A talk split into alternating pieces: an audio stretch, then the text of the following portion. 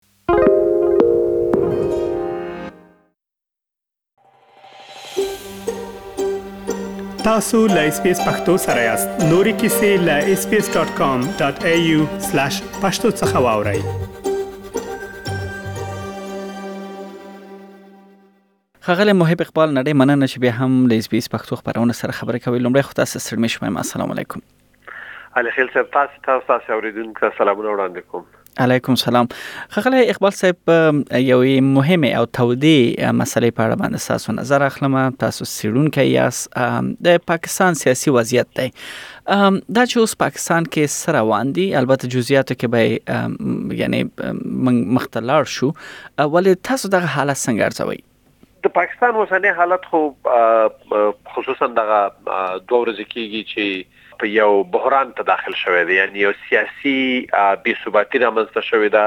د څو هفتو را په دې خوا باندې د پاکستان مخالف حزب نه تنها مخالف حزب بلکې مخالف حزبونه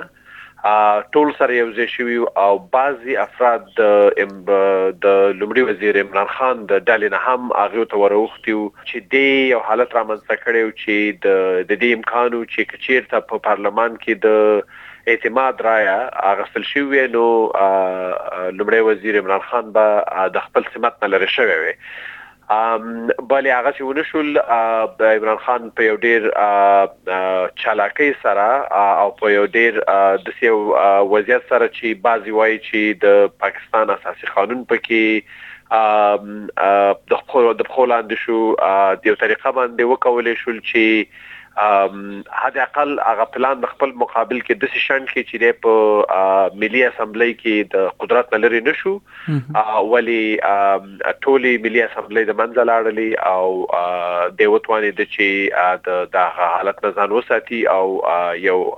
انتخابات ته لار واره کی دا چې انتخابات به وشي کنه دا د پاکستان د سپریم کورټ یا د لوی محکمې پورې اړه لري ستري محکمې پورې اړه لري چې هغه په تصمیم نیسي چې پاغه باندې د پرون رئیس ته بحث روان دی صحیح اقبال صاحب البته د پاکستان د حکومت اپوزیسیون لومړی ورځ څخه دوی یعنی شتون د لود دوه لوی ګوندونه چې پیپلز پارټي دا او مسلم لیگ نون دی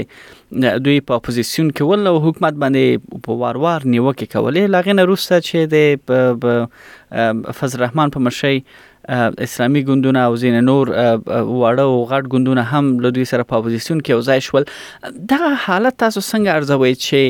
څه د دې باعث شول چې نور ګوندونه هم اپوزیسیون ته شي او د عمران خان د لری کولو دوی یعنی هوډ وکړي ما په دې اقلا باندې په 2013 کال کې کله چې عمران خان د د خپل موقف ته وټاکل شو د انتخاباتو لار نه ډېری په تفصیل لیکنې کړې وي دلته په استرالیا کې یو دلیل دا دی چې عمران خان د سي ګڼل کیږي چې د پاکستان په دواو دوه حزبي سیاست کې یو بهرنۍ فرد دی یعنی د د د مسلم لیګ او د خلکو د حزب یا د پیپلز پارټۍ د حزبونو د د منځ نه نه دی راجیګ شوی د د اردو د منځ نه نه دی راجیګ شوی او د د پاکستان سیاست ته یو یو یو بیرونی چهره ده د د ځوانانو سره ډیر زیات مشهور دی او ځوانان ده ته ډیر زیات خوشحالیږي او رای ورکوي هغه پاکستانیان چې بیرون ده پاکستان نه اوسیږي هغه هم ده ته ډیر زیات خوشحالیږي او ده ته رای ورکوي او دی په دې تیرو درې کالو کې باوجود د دې چې په اقتصادي ساحه کې ناکام شو باوجود د دې چې په خارجه پالیسۍ کې ډیر ناکامۍ سره مخ شو باوجود د دې چې د پاکستان اقتصاد او د پاکستان په نورو ډیرو شرایطو ځایونو کې پسرفت یعنی پیشرفت نه دی کړی ولې د ده هغه شهرت د خپلو تعقیبوونکو سره پاتې شولې او دا د نورو حزبونو لپاره د منلو وړ نه وه. بالاخره چې خبره دې حد ته ورسېدله چې زما په اند باندې چې د عمران خان او د اردو تر منځ یو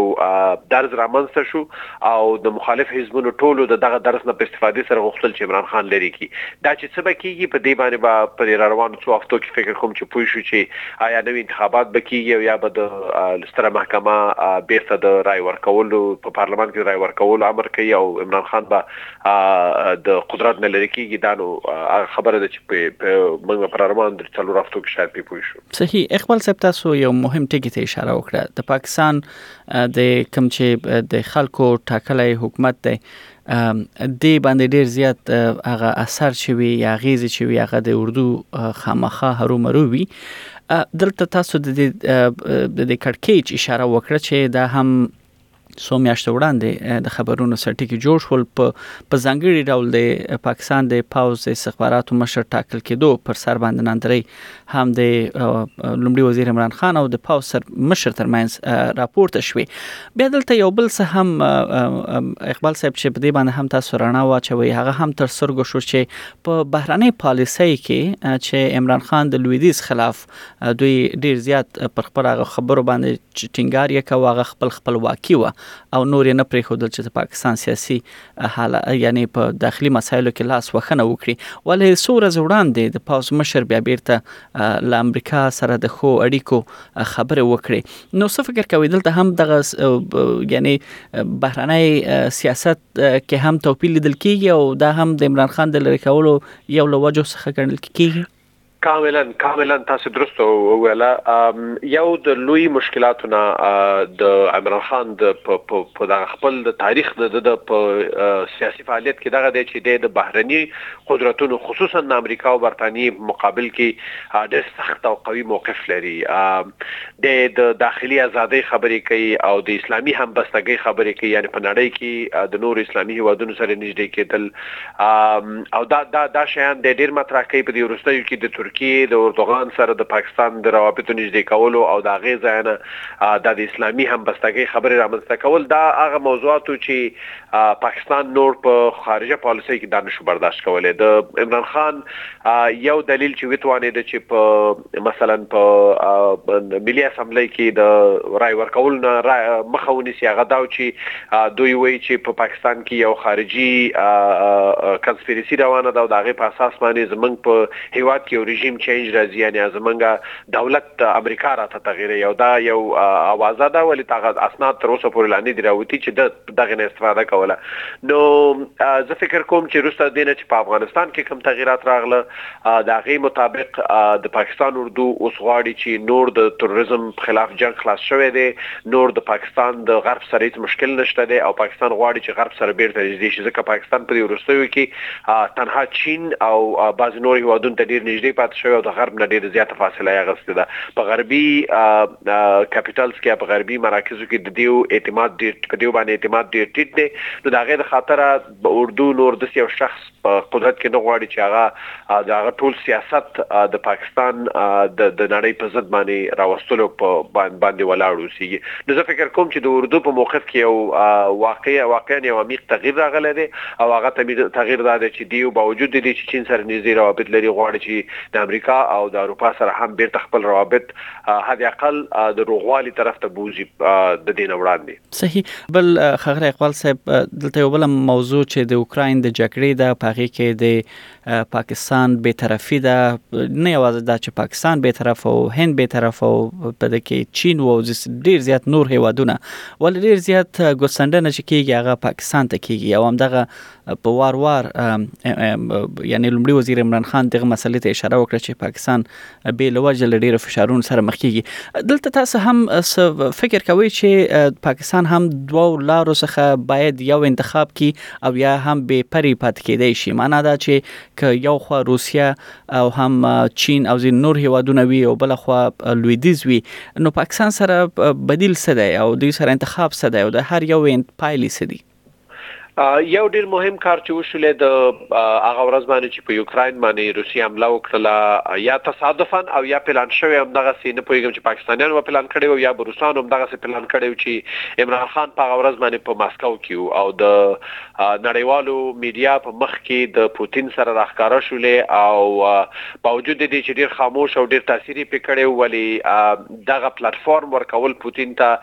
فکر کوم چې غربیانو ته یو ډیر غټ پیام پریخوسته چې که په اروپا کې یو عمله کیږي او روسیان روسان په اروپا کې عمله کوي پاکستان یګانه هوادو چې داغي مشر په په مسکو کې موجود دا دا فکر کوم یو ډیر غټ تصادف وو که واقعا او که پلان شوی خبره وخوار شي چې پاکستان ته ډیر نقص وکړلې بیا د هغې نه وروسته کله چې په ملل متحد کې د روسیې خلاف د بندیزونو او د روسیې خلاف رایه ورکوله شوله په هغې کې ډېرو هېوادونو په یو طرف کې هم رایه ورنه کړه یعنې نه یې د روسیې طرفداري وکړله او نه یې د غربیانو د اروپایانو او د امریکایانو طرفداري وکړله دغه بې طرفۍ کې پاکستان هم شامل و، نو پاکستان د دې انتخاب سره فکر نه کوم که په ډېر شدت سره مخ شي چې حتماً باید د غربیانو سره لاره یوه کړي او د روسانو په مقابل کې ودرېږي او یا د روسانو سره یوه کړي، ولې کله چې داسې یو واقعه کېږي چې په په یوکراین باندې حمله کېږي او د د پاکستان لومړی وزیر په مسکو کې د پوتین سره د میډیا مخ ته راښکاره کېږي دا نو بیا د برداشت قابل نه ده، زه فکر کوم چې په غیر مستقیم او په چپ ډول باندې په پاکستاني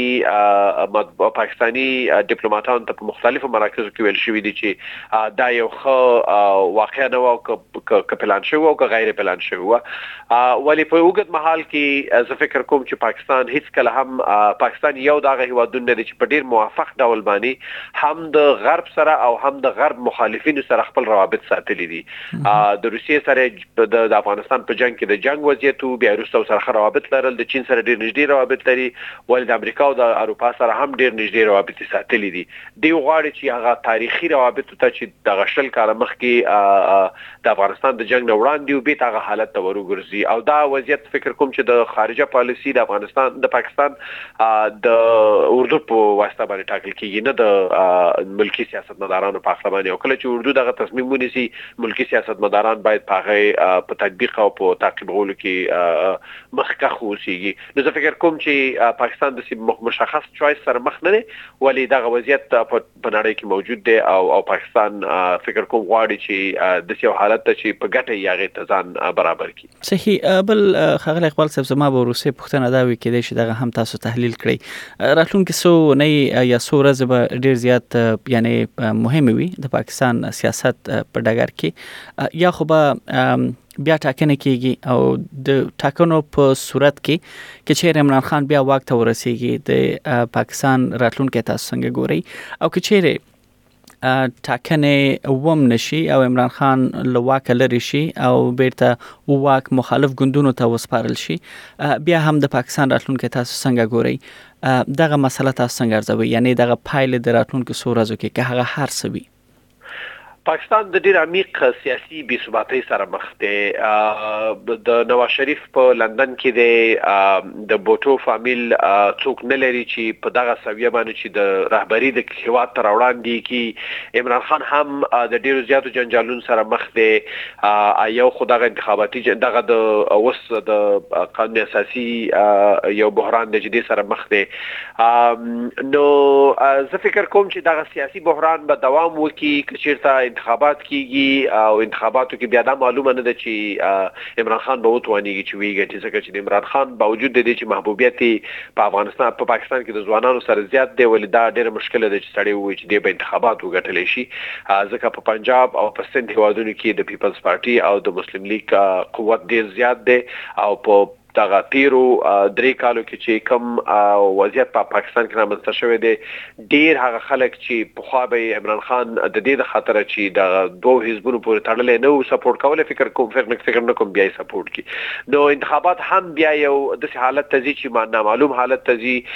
ځکه مخالف حزبونو کې چې پیپلز ګوند دی او د مسلم لیګ ګوند دی مشران یې په پاکستان کې نشته دی ولې هغه دویمه درجه مشران چې یا مریم نواز شریف یا د بټو زوی وي یا د نواز شریف ورور وي دا خلک بیا هغومره قوت او قدرت نه لري چې د پاکستان سیاسي نګانه قوي اردو سره په ټولو موضوعاتو سیاسي موضوعاتو کې مقابله وکړي نو پاکستان زه فکر کوم چې پر روان څه وخت د پاره یعنی شاید چې شپږ میاشتې یو کال د پاره د یو سیاسي بحران سره مخ دی دا یعنی په دې معنی نه چې یو یا بل تصمیم ونیول شي که هر تصمیم ونیول شي دا سیاسي بحران فکر کوم چې دوام وکړي